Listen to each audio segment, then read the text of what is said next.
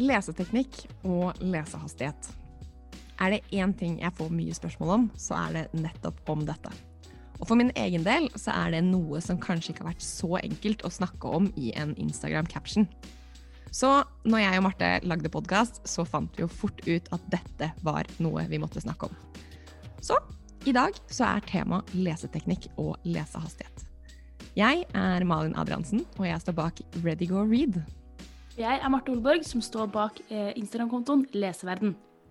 I denne episoden snakker vi bl.a. om bøker vi har fått som leseeksemplarer fra Aschehoug, Det Norske Samlaget, Magenskau og Vigmostad Bjørke. Leseeksemplarer er bøker vi har mottatt fra forlagene, men det finnes ingen avtale om omtale av disse bøkene. Malin, før vi begynner å snakke om dagens tema, så tenker jeg at det kan være fint å prate litt om hva vi har lest siden sist. Det er vi jo glad i å gjøre. Ja, vi er jo glad i å lese. Så jeg tenkte, kan ikke du fortelle meg da hva du har lest siden sist? Jeg snakket om i forrige pod at jeg skulle lese en diktsamling. Og jeg har lest dikt, men jeg har ikke lest den diktsamlingen jeg sa at jeg skulle lese. sånn skjer. Um, denne gangen har jeg prøvd meg på, eller jeg har endelig sjekka ut Kristin Storosen sine eh, barsel, og nå den nye boka som hun har skrevet sammen med moren sin, eller vært redaktør for sammen med moren sin, som heter Det største livet. Og det er noe spennende med å lese dikt og lyrikk. Altså. Det er ikke helt min greie, men jeg liker at jeg utfordrer meg på det. Hva med deg? Hva har du plukket opp i det siste? Eh, jeg har jo også utfordret meg eh, siden sist, på lesefronten faktisk. Jeg fikk en barnebok i posten som jeg tenkte den må jeg faktisk lese, for jeg har sett den litt rundt omkring på, eh, okay. på Instagram. ja. Og den het Gi meg en klem. Har du hørt om den? Um, nei, ikke egentlig. Nei, altså jeg fikk jo på en måte, jeg ble utfordret av noen venner til å lese den, fordi de lurte på hva jeg syntes om den. Og da okay. tenkte jeg at det går i meg selv og tenker hva syns egentlig jeg om barnebøker? Jeg er jo kanskje ikke den beste til å si så mye om barnebøker, jeg som ikke har barn. Eh, men det slår meg veldig at barnebøker har en veldig fin moral. Det er jo derfor jeg liker ungdomsbøker ofte, fordi moralen er mer tydelig enn i voksenbøkene. Men den er kanskje enda tydeligere i barnebøkene. Det eneste som var veldig dumt for min del, var at språket ble litt for voksent. Og det var bruk av veldig mange avanserte ord. Så jeg syns kanskje moralen forsvant litt i språket. Men barnebøker kan jo bety ganske mye, så hvilken alder er det vi snakker om her? Er det på en måte en bildebok fra null til tre, eller er det jeg tenker jo at aldersgruppen til denne boka her kanskje er rundt tre år. Det er jo en bildebok med en god del tekst og litt moral bak. Fine tegninger, absolutt, men den er nok beregnet på bitte bitte litt eldre barn. en annen målgruppe enn deg? en annen målgruppe enn meg, definitivt. Men ja. det var veldig ålreit faktisk å prøve seg på en barnebok som jeg aldri har lest før, da. Eller jeg har ikke lest den siden jeg var barn. Ja, for du, du, altså vi jo, du har jo sagt at du utfordrer deg litt på å lese ungdomsbøker i ny og ne, men barnebøker er fortsatt ganske nytt for deg? Ja, den er ganske ny. Det ja. må jeg si. Altså, Også, jeg har jo faktisk lest en ungdomsbok siden sist, da. Har det? Uh, og ja, har det. Altså, det kommer alltid en ungdomsbok i ny og ne. Jeg klarer meg ikke uten ungdomsbøkene mine. Men dette er faktisk en en bok jeg har hørt om så lenge, og jeg har hørt så mye bra om den. Jeg har bare liksom aldri kommet meg så langt som å få lest den selv. Men nå kan jeg offisielt fortelle deg at jeg endelig har lest Fangirl. Og jeg elsket den. Ja, men Den har jeg hørt så mye bra om, og jeg har jo lest den andre boka som heter Eleanor Park. Ja, Det har vært en av favorittbøkene mine lenge. Veldig søt. Og da hørte jeg at du må lese Fangirl, men jeg har ikke kommet meg så langt. Men det var verdt det, altså. Ja, jeg tror du vil like den, Marte. Det er en bok som henter opp flere av de tingene jeg tror du vil like, og så bare er den liksom litt sånn lett og leken og morsom. Og så tror jeg kanskje personer som oss kan kjenne seg litt igjen i den også, at det er litt sånn nerdete og gøy om man er litt obsessed med det man leser. det høres ut som en bok for meg. En ekte fangirl. Ja. Men jeg kjenner jo også om dagen at jeg er en sånn som starter og slutter på veldig mange bøker. Jeg er et litt rastløst hode om dagen. Ja, hvorfor det? Jeg vet ikke, men jeg har kanskje lest 70 sider av veldig mange bøker og bare lagt de fra meg. Uten at jeg egentlig har en god forklaring på hvorfor. Og jeg tror jeg trenger nå, eller det jeg er på jakt etter når jeg leser nå, er vel en historie som bare fenger meg. Og den historien har jeg ikke funnet helt enda. Men jeg er på jakt, og jeg kommer nok til å finne den boka som får meg over den kneika. Men jeg er faktisk på en ganske sånn Jeg er interessert i å lese om dagen. Jeg syns det er gøy å lese om dagen. Absolutt, altså. Ja, det kan jeg kjenne meg igjen i. Jeg kjenner liksom at jeg er på en liten sånn flow, og jeg liker det. Um, men jeg har også heller ikke funnet måte, de der, i hvert fall de fysiske bøkene som virkelig, virkelig, virkelig har engasjert meg men dagens tema, Malin, det er jo et tema som vi begge to har mange tanker om. Det er jo, lese, Det har vi. ja, det er jo leseteknikk og lesehastighet spesielt. Der får vi mange spørsmål hele tiden. Kan ikke du begynne å fortelle litt om måte, hvordan du kom inn i lesingens verden? Jo, altså jeg har jo, som jeg har nevnt flere ganger også, tror jeg, jeg har alltid vært en storleser. Jeg har alltid vært glad i å lese. Men så har jeg jo tenkt mye over at jeg egentlig har et litt mer komplisert forhold til lesingen enn det jeg har tenkt eller trodd at jeg hadde. Um, gleden har alltid vært der, og jeg har alltid kost meg med en bok. Men det har ligget veldig mye bak den gleden. Uh, for jeg altså, Husker du de der lesetestene man hadde på barneskolen? Hvor man skulle lese en siste tekst? Jeg syns det var så gøy, for det, jeg fikk så mye mestring av det. Hva med deg? Ja, så du, husker, du husker hvilke tekster jeg snakket om? Jeg husker, de testene husker jeg veldig godt. Det var de timene jeg følte mestring i. Ja, og jeg, jeg husker at jeg var nest best i klassen hvert eneste år på hastighet. Det var alltid en gutt som leste fortere enn meg. Men han hadde aldri riktig på alle spørsmålene i ettertid, og det hadde jeg. Så jeg, jeg vet at jeg var klassens raskeste leser sånn sett. Men det som også er en del av historien, er at jeg hadde ganske mye problemer med å skrive når jeg var yngre. Og da ble jeg ja, altså Jeg husker at jeg ble tatt ut på bakrommet og hatt en del sånne skrive-lesetester. Og resultatene av de var alltid Ja, vi ser at du ikke er sånn kjempegod i å skrive, men du leser så fort at deg gidder vi ikke følge opp. Og når jeg endelig kom på videregående, altså da snakker man Hvor gammel er man da? 16 år? Um, da fikk jeg en skikkelig utredning og fikk beskjed om at jeg skrev som en femteklassing. Altså, da er man ganske dårlig til å skrive når man egentlig går på videregående. Da ligger man ganske langt bakpå i forhold til de andre, absolutt. Man gjør det. Mm. Uh, men jeg har liksom alltid vært en stødig og stabil og god leser. Så jeg har liksom klart meg på skolen uansett. Men da jeg møtte liksom en ordentlig utredning, så fikk jeg jo beskjed om at det her er jo hårreisende, du skulle hatt hjelp for mange, mange år siden. Men jeg husker så godt den responsen jeg fikk på at du leser for fort, så du trenger ikke hjelp. Det Og det har nok preget meg i mange år at Mm. lesingen har vært noe som har vært min redning på mange måter. Det er det som på en måte har gjort at jeg har klart meg bra, og jeg har likt å holde på med det. Men samtidig så vet jeg også at det har vært en kamuflasje for mye annet som kanskje ikke var så bra da i skolesituasjonen. Ja, absolutt. Og det er jo, man ser jo ofte det at noen er veldig flinke. Noen har skrivevansker og ikke lesevansker, og noen har lesevansker og ikke skrivevansker. Så man Og det håper jeg er noe skolevesenet har blitt mye flinkere til å på en måte kunne skille på eh, nå for tiden. For som sagt, da jeg gikk på barneskolen, så var det virkelig Jeg ble testa flere ganger på barneskolen, faktisk, og hver gang var resultatet det samme. At liksom Vi gidder ikke hjelpe deg fordi du er for god til å lese. Men hva med deg? Hvordan begynte lesingen for deg? Og altså, hadde du noen issues, sånn som meg? Du, jeg må nok kanskje si at jeg er nok litt den andre skalaen enn deg. Um, mamma fortalte at når, når jeg var veldig liten, så drev mamma og studerte. Og jeg var en liten sånn eh, Jeg satt på en måte ved siden av og fulgte med. Og interesserte meg noe veldig for mamma sine studier, selv om jeg var da under ett år. Så mamma begynte liksom å eksperimentere litt med hvor interessert jeg egentlig var, og kjøpte en alfabetbok. Og før jeg eh, kunne snakke eller si noe annet, så kunne jeg alle alfabetet, eller bokstavene i hele alfabetet. Så mamma Hæ? satt liksom bare med en bok og bare pekte på den bokstaven. Jeg bare Hvilken bokstav var det? Jeg bare Det! Jeg kunne ikke si noe annet, men jeg kunne kjenne igjen liksom lyd til alle bokstaver i alfabetet. Så folk er helt insane. Jeg snakket ikke før jeg var ti år gammel eller noe. Men joken i familien er at jeg har jo aldri holdt kjeft etter det. Men liksom Jeg tror jeg kunne si liksom ball, mamma og pappa og tann eller noe til jeg var tre år gammel.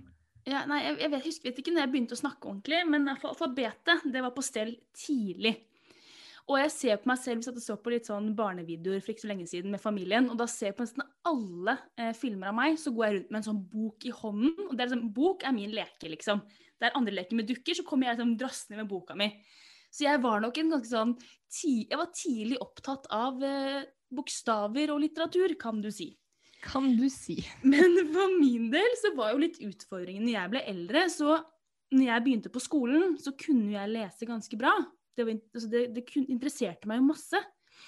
Så når jeg begynte i andre klasse, og de andre skulle lære seg alfabetet, eh, så syntes jo jeg at det var ganske stort gap mellom hvor jeg var og hvor de var.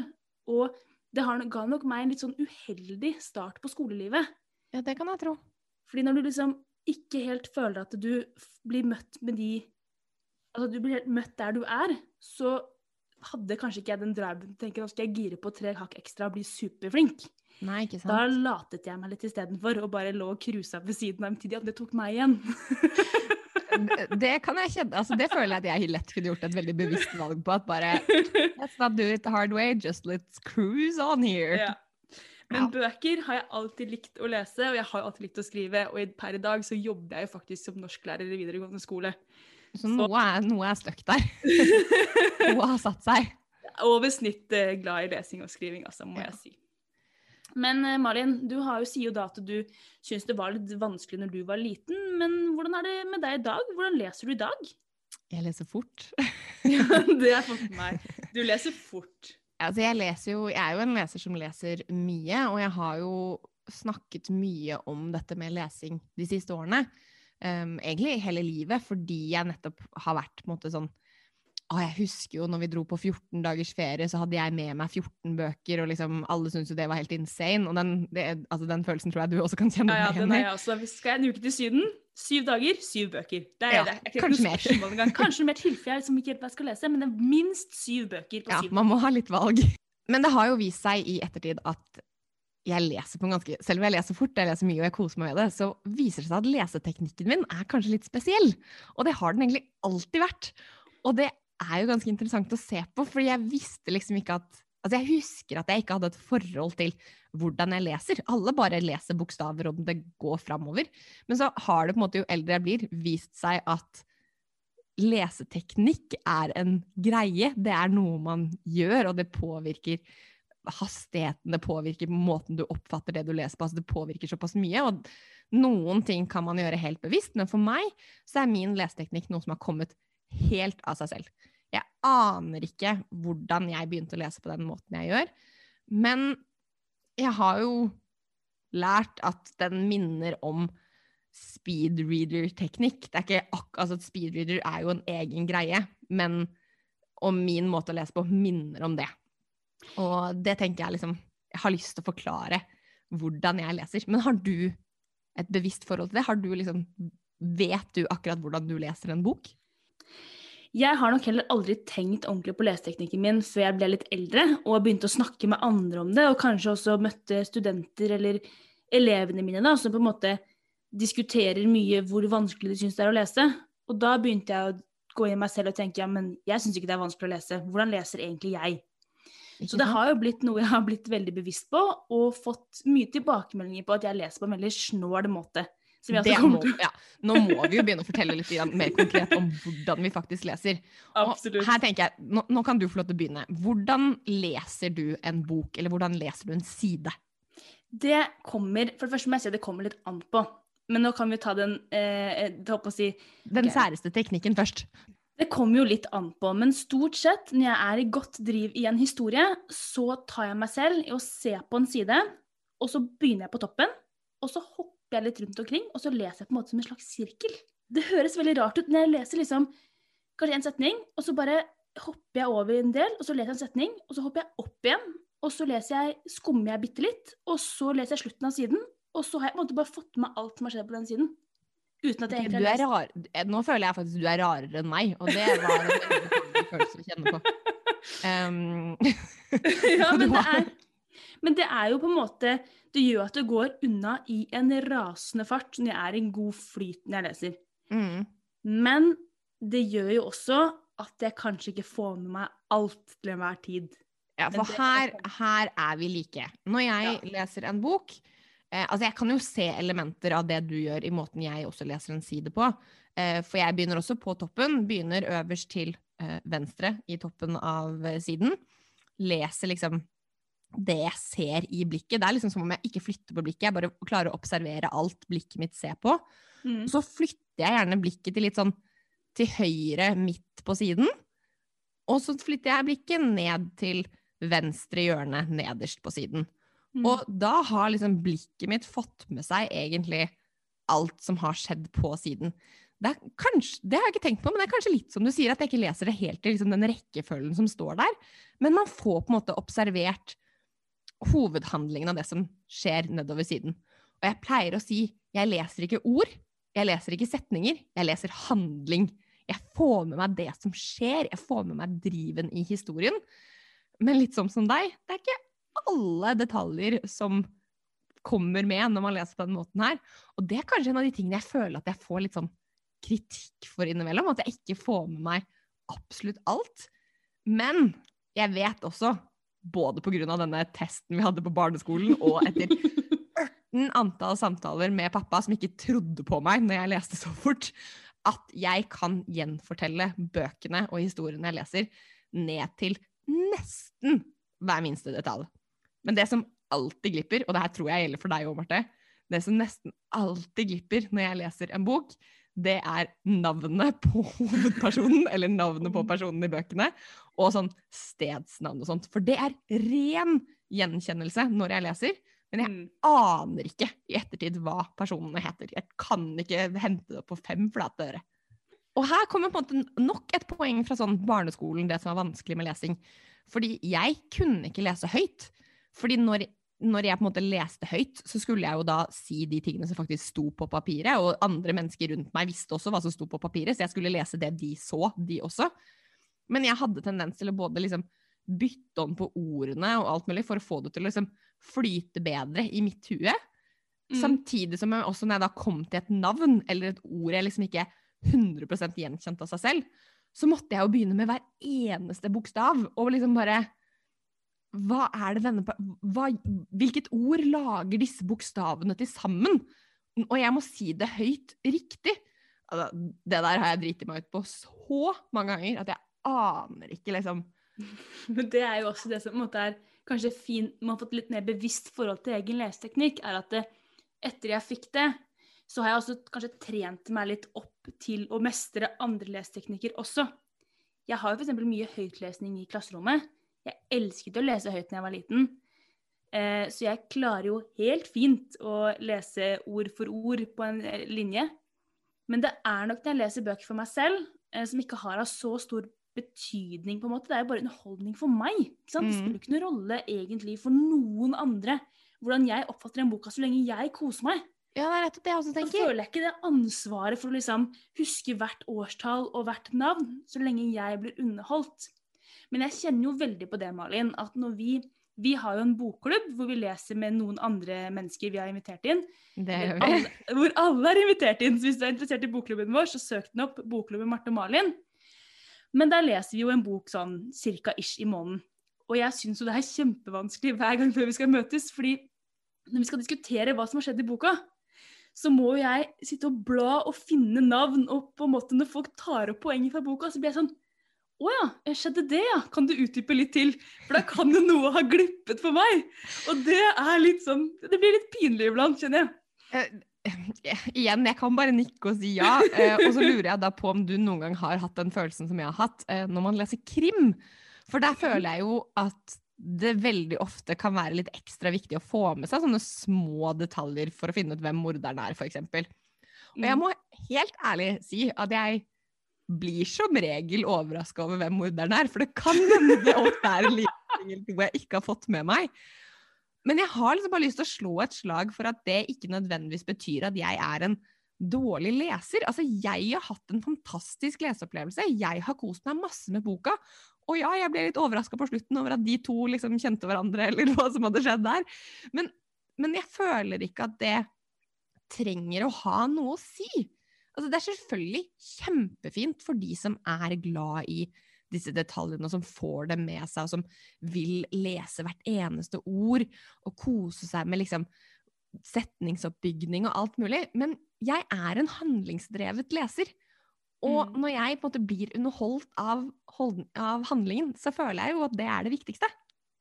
Men jeg tror også det er derfor jeg koser meg ekstra mye med å snakke f.eks. med venner om bøker, eller samboeren min om bøker og sånne ting. fordi da får jeg også muligheten til å utforske universet en gang til. Ja, og få med meg ting jeg ikke har fått med meg. Sånn som forrige ferie jeg og mannen min var på, så hadde vi med eh, litt krimbøker. Og han er en ganske fersk leser, og har begynt, nå leser han ganske mye, men da innenfor krim. Og så var det enten at jeg leste boka først, eller at han leste boka først. Og han er en veldig detaljorientert person. Så når jeg leste boka, så var han sånn 'Har du kommet dit hvor det og det skjer?' Og så ble jeg sånn Jeg vet ikke helt. Kanskje. Men når eh, han leste boka, så kom han med de utlegningene om hva som skjedde, og ga meg påfyll på det jeg allerede hadde lest. Ja. Så det blir jo litt sånn Er teknikken min alltid like god? Jeg vet ikke. Men jeg trives med å lese på den måten, og får lest mye og koser meg med det. Ja, ikke sant? Jeg tror nettopp du ga meg en sånn liten åpenbaring. Eh, for jeg har lurt veldig på hvorfor jeg liker f.eks. podkaster som Pottergenerasjonen eller Potterless, som Mm. leser hele serien, um, for å bruke Harry Potter som et eksempel, da, og leser hele serien som jeg har lest 16-17-18 ganger før. Um, men det er jo nettopp fordi de ser altså Det er jo litt teit å si at de ser detaljer jeg ikke ser i bøker jeg har lest 16-17 ganger, for der burde jeg jo kanskje ha fått med meg alt. Og jeg har det til en viss grad, men de har et annet forhold til disse detaljene enn det jeg har. Det hadde jeg ikke tenkt på egentlig før nå. Altså, at det er kanskje derfor jeg liker så godt akkurat det. da. Og Det er kanskje derfor lesesirkler funker så bra, og bokklubber funker så bra. og sånne ting, Fordi man, finner, man har muligheten til å prate mer om det man opplever og det man leser.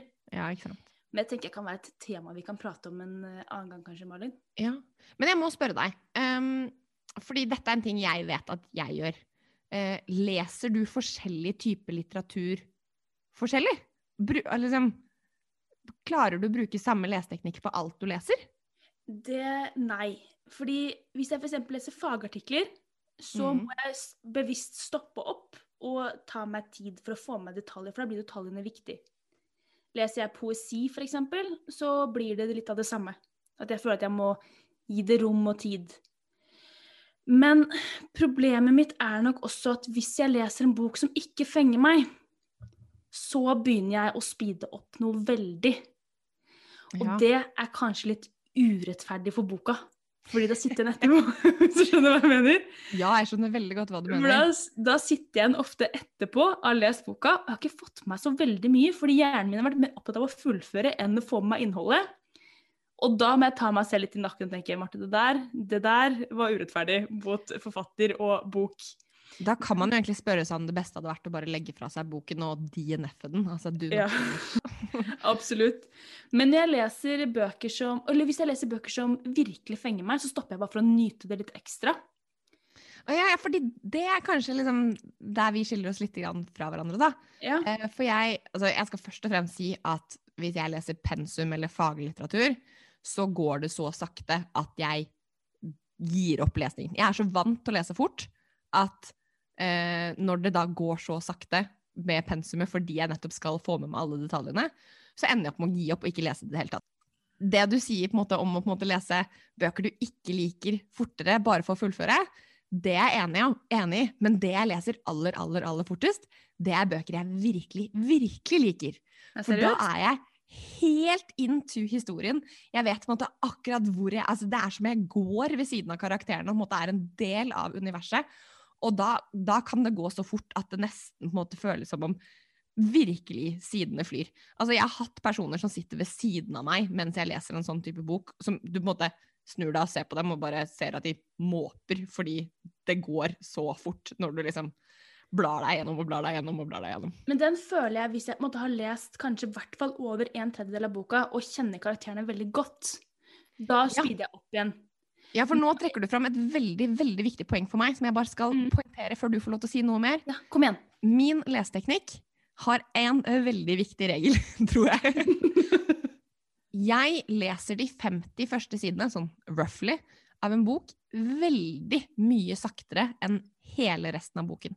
For jeg må bruke måte de 50 sidene på å bli litt kjent med karakterene, bli kjent med skrivestilen til forfatteren, og på en måte bare lære meg som sagt, litt hva jeg skal gjenkjenne av navn og steder og sånne type ting.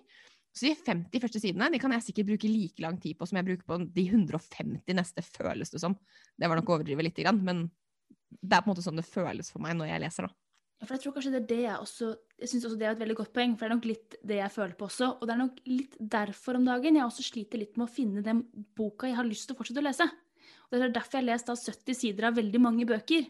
Ikke sant? Fordi hvis ikke jeg da har brukt, lest litt sakte de første 70 sidene, ikke liksom blir fenget av språk eller handling, så er det veldig vanskelig for meg å sette i gang og lese resten av den boka.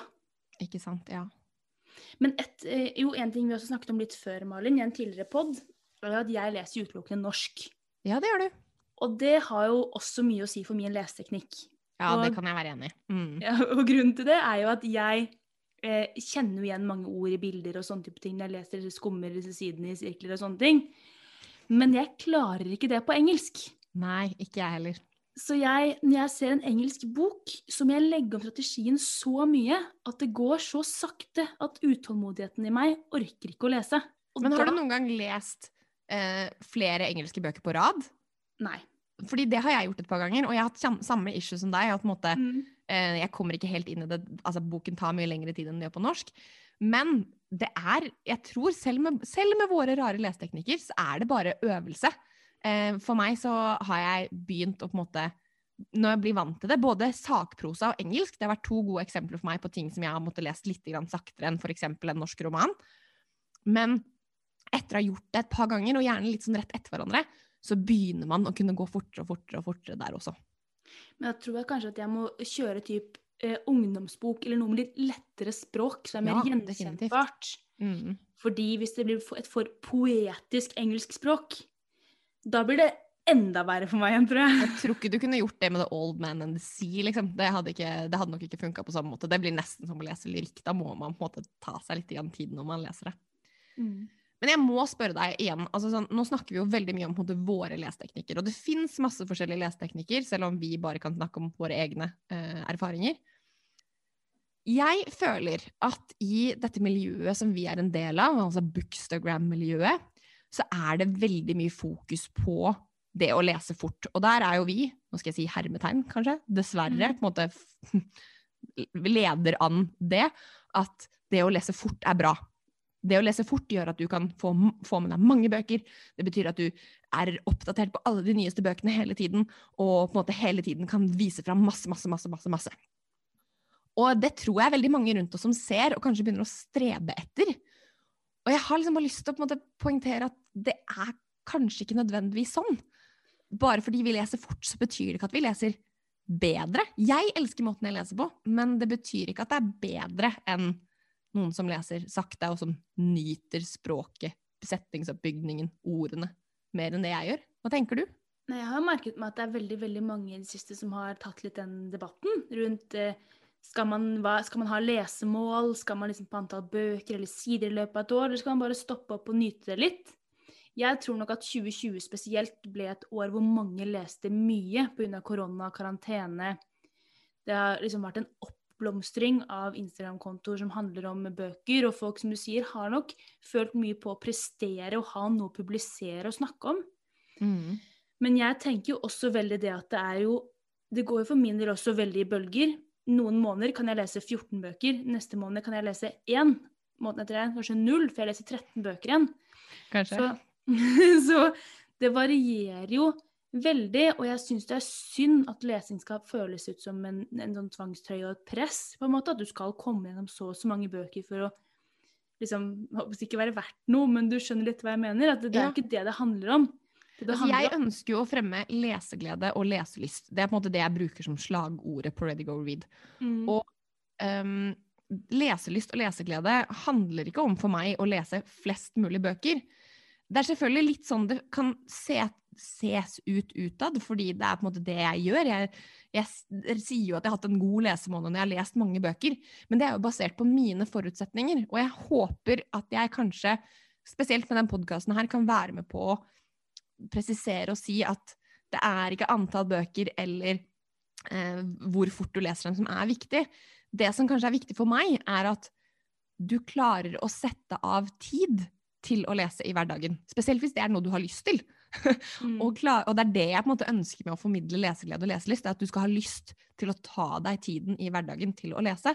Og da må man jo huske at hvis du leser 30 minutter hver dag, og jeg leser 30 minutter hver dag, så kan det hende at jeg kommer meg gjennom ganske mange flere sider på de 30 minuttene enn det du gjør. Men det betyr ikke at din lesetid er mindre verdt enn min lesetid. Det er tvert om. Samtidig så tenker jeg at det er bedre at man har noen få gode leseopplevelser i løpet av livet sitt, enn at man har supermange middelmådige. Fordi det å lese Absolutt. mange bøker fører jo også med at man leser jo noen gode bøker, men man leser jo også veldig mange bøker som kanskje ikke er der oppe, Mm. hvis du skjønner hva jeg mener. Det er noe med det. Det er absolutt noe med det. Mm. Åh, nå føler jeg at vi har pratet mye om dette med lesehastighet og leseteknikk, og jeg føler at vi kunne snakket om det i 100 år til. Mm. Et spørsmål jeg får mye, det er jo da tips til hva man kan gjøre for å lese fortere hvis man har liksom lyst til å streve mot det. Har du et tips der? Hva tenker du at skulle vært ditt tips til eventuelt den personen? På en måte så har jeg ikke lyst til å gi noen tips, for det vil, jo, det vil jo på en måte tvinge folk til å legge noen føringer for å lese fortere, og det er ikke det som må være målet. Nei. Men jeg tenker uansett, med, som med alt annet vi gjør, skal du bli god på noe, så må du trene på det. Så hvis lesing er noe du har lyst til å mestre, så er jo kanskje det å prioritere lesing i hverdagen viktig. Ja. Jeg har også lyst til å si at jeg tror en av de småtingene du kanskje kan øve på hvis du virkelig ønsker å på en måte begynne å lese fortere, så tror jeg det kanskje er å fokusere litt mindre på detaljene. Ikke Mm. være så opphengt i hver eneste lille detalj. Altså, det er kanskje feil å si det, men, og det stemmer nok ikke alltid, men jeg opplever så veldig ofte at er noe viktig for en bok, så blir det gjentatt. Og så er det litt det som jeg måte prøver å fortelle elevene mine ofte, da, som jeg ser at strever veldig med å bruke veldig, veldig mye tid på skole. Mm. Og så blir kanskje ikke resultatene alltid som ønsket. Og da prøver jeg liksom å lære dem at jeg er interessert i hvorfor vi har et monarki i Norge, ikke hvilken farge kong Harald Harald har på trusa si. Så det handler liksom litt om Man må vite Det viktigste er å se de viktigste hovedlinjene Ja, ikke sant. i det du gjør, og bruke tid på det, og ikke på disse supersmå finessedetaljene som Ja. tar mye tid. Og skal du selvfølgelig bli en superstudent, så kan det jo være interessant å vite hvilken farge kongen har på trusa, men Men det er sannsynligvis ikke informasjon du trenger Nei. ved en senere anledning. Nå har vi snakket en god del om leseteknikk og lesehastighet, og det er jo ikke noe hemmelighet at du leser mange bøker i løpet av et år, Malin. Nei, det er føler jeg at vi har snakket ganske mye om nå, faktisk. Ja, og så Mhm. er det sånn at du har jo bursdag rett rundt hjørnet. Det har jeg. 4. mars, for å være helt nøyaktig. Ja, jeg tror det er i morgen når den podkasten her kommer ut. Så jeg forventer mange gratulasjoner i morgen. Og da tenker jeg, vi har jobbet i bokhandel begge to, Det har vi. og det er jo veldig, veldig ofte det kommer folk inn i bokhandelen og spør du, jeg skal eh, ha en bursdagsgave til eh, en dame som liker å lese mye. Nå som du har bursdag, så tenker jeg at det er en gyllen anledning til å spørre deg, da. Eh, For det kan jo være andre som skal gi gaver i fremtiden fremover. Forhåpentligvis. Så hva gir man egentlig i bursdagsgave til noen som leser mye? Åh, det er et veldig åpent og stort og litt småskummelt spørsmål. Det er det absolutt. Um, altså, jeg må jo helt ærlig si at det begynner eh, Nei, jeg har faktisk fått en gave til jul i år, men normalt sett så får ikke jeg veldig mye bøker i gaver. Det regner liksom bare folk med at jeg klarer sjæl, og det syns jeg faktisk er litt kjedelig. Syns du? Jeg syns Ja. det, det er litt deilig iblant, for jeg får ikke så mye eh, bøker jeg heller, men Ja, iblant. Men det er jo også veldig morsomt å på en måte vite at noen har tenkt på meg og den boka her. Og nå kom jeg faktisk på en skikkelig liksom, hva jeg vil ha i gave når uh, det, her, det her er kanskje ikke et tips som gjelder for alle, men dette er et tips som gjelder for meg, og jeg tror en del andre mennesker som leser mye også. Det jeg vil ha, det er en bok som betyr noe for deg. Du som har gitt den til meg. Jeg vil veldig gjerne ha en bok som du har elsket, som du vil dele med meg, og som du kanskje også forhåpentligvis tenker at jeg kan like. Eh, det er jo selvfølgelig litt vanskelig hvis ikke du på en måte er en storleser selv, men har fortsatt lyst til å gi en god bok i gave. Men jeg husker at jeg har hatt et prosjekt en gang i livet, som var å gå inn i bokhandlere, eh, da og hele verden rundt egentlig, og spørre de jeg møtte på jobb. Hei, hva er din favorittbok? Jeg vil kjøpe den. Mm. Så det er jo på en måte et tegn på at jeg er litt spesiell og litt rar og har litt rare bokinteresser. Er det også da innafor å ønske seg et kort eh, til den boken, hvor man forklarer litt hvorfor den er viktig for deg, slik at man forstår litt hvorfor man har fått boka? Ja, absolutt. Veldig gjerne. Um, men hva tenker du? Hva ville du gitt til en bursdagsgave? Veldig ofte når jeg har fått det spørsmålet før, så pleier jeg å spørre litt sånn Hva er interessen til den du skal gi boka til? Ja, selvfølgelig. For hvis personen har en åpenbar interesse for biler, eller Eller feminisme. eh, us- ja, feminisme, eller USA, eller altså, og det har kommet bøker som har det tema som måte, grunnpilar i boka, Mm. så ville jeg jo absolutt anbefalt den. For jeg tenker jo at det er bedre at man gir en bok som kan oppleves litt personlig, enn å bare gå inn i en bokhandel, gå til ti på topphylla og tenke hm, den personen liker sikkert den boka. Altså, det er fullstendig lov å gjøre det, men jeg tenker som deg også at hvis du skal gi bøker til en som i hvert fall leser mye, så tror jeg det er viktig å ha en tanke bak det, og på en måte vite at denne boken Jeg har tenkt på deg når jeg valgte denne boken. Men derimot, hvis du skal gi en bok til kanskje en som ikke leser så mye, da kan det kanskje være lettere å forholde seg til det som er på topplistene, og det som på en måte selges mye av. For det er gjennomsnittlig gode bøker som folk flest liker. Men du, har du skrevet ønskeliste i år, eller har du noen bøker på ønskelista? Og jeg har lagd mer sånn en generell ønskeliste for hele året.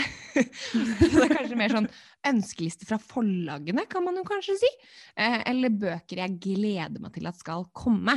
Eh, jeg har sett på Jeg har liksom Jeg har et par bøker på ønskelista som kommer sånn omtrent i starten av mars.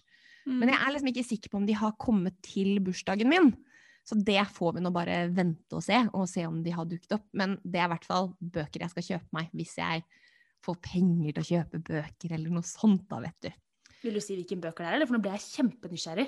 Ja, um, en av de første bøkene jeg ønsker meg, det er Norsk kvinnehistorie på 200 sider.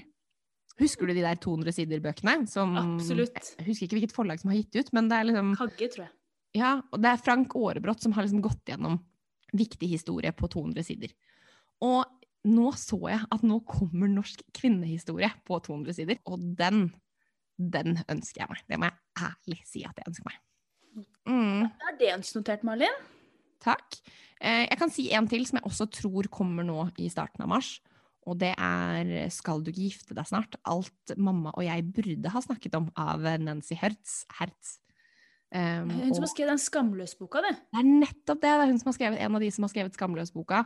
Og det er også en bok jeg gleder meg virkelig til. Så du ser jo et fellestrekk her. Det er jo liksom, Når jeg ønsker meg bøker, så har det gjerne med sterke kvinner, sterke kvinnehistorier, feminisme og de tingene der å gjøre.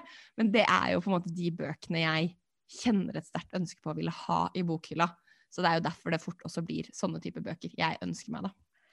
Men det er jo lov for deg òg, da, å ønske deg bøker, eller se framover på hva du har lyst til å lese snart. Har du liksom Vi pleier jo å spørre litt grann hva du gleder deg til. Hva gleder du deg til akkurat nå, som ikke er bursdagen min? Akkurat nå så har jeg eh, veldig mange bøker hjemme jeg har lyst til å lese, så jeg har ikke liksom vært der ute og lett så mye etter hva jeg skal lese. Ja, men, Men- noen ganger er jo halve liksom, leselista si Det er jo bøker man allerede har. Så det er jo akkurat det jeg egentlig lurer på. Hva er, du, hva er det du har lyst til å lese nå? Hva er det som ligger på nattbordet? Hva er det du venter på å kose deg med? Hva er din neste store leseopplevelse? Jeg har veldig lyst til å lese 'Drømmeprinsen', for den har vi snakka så pent om. Så den ligger Det blir jo snart eh, boka til den podkasten her. Altså maskotten vår. Og så leser jeg litt på den eh, korrektur av et sorgens kapittel. Den har jeg begynt på i går, jeg òg. Ja, det er spennende. Vi har lest da 70 sider av den, men den har jeg faktisk planer om å fullføre, for jeg har likt starten på den. Så vi kan jo diskutere kanskje neste pod hva vi syns om den. Ja, det er godt mulig at vi må hente opp tråden på den. Nå begynner vi å ha snakket mye, Marte, og det er så hyggelig å snakke med deg om bøker, om lesing og alt det her. Altså, dette er en drøm i oppfyllelse, det må jeg bare si. Tusen takk for alle tilbakemeldingene vi har fått fra dere som har hørt på. Absolutt. Det har vært eh, så hyggelig å høre at dere syns det er hyggelig å høre på. Ja, og at vi får Altså, vi vet at vi har fått litt sånn tilbakemeldinger på lyd, og vi har fått litt tilbakemeldinger på ting vi kan gjerne snakke om videre. Og det er disse meldingene som gjør det ekstra gøy å holde på med pod. Fordi jeg tror dette kommer til å bli en spennende reise for oss alle framover, og det er så gøy at dere vil være med på det her. Altså, jeg koser meg så veldig. Og så håper jeg bare at dere fortsetter å abonnere på podkasten vår, og fortsetter å gi oss tilbakemeldinger på ting vi får til, og ting Ja. vi kan få enda bedre til. Jeg har hørt at man skal si på pod, så skal man si sånn Tips en venn. Tips en venn. Det er også Tips lov. en venn. Få en venn til å høre på oss. Deler dere at dere hører på oss på f.eks. Instagram, så hadde det vært veldig hyggelig om dere tagger oss. Jeg heter Ready Go Read. Marte heter Leseverden. absolutt, det gjør du. Hvis du syns at vi har snakket opp litt vel mange bøker, og ikke klart å få med deg hver eneste bok vi har snakket om, don't you worry, da kan du sende oss en melding, så skal vi gi deg en oversikt over alle bøkene vi har snakket om. Og med det så har i hvert fall jeg lyst til å si takk for i dag. Hva med deg, Marte? Er du klar for å henge her videre, eller skal vi ta kvelden? Nei, tusen takk for i dag. Det har vært veldig veldig hyggelig å prate med deg, Malin. Alltid en glede. Vi snakkes igjen om to uker.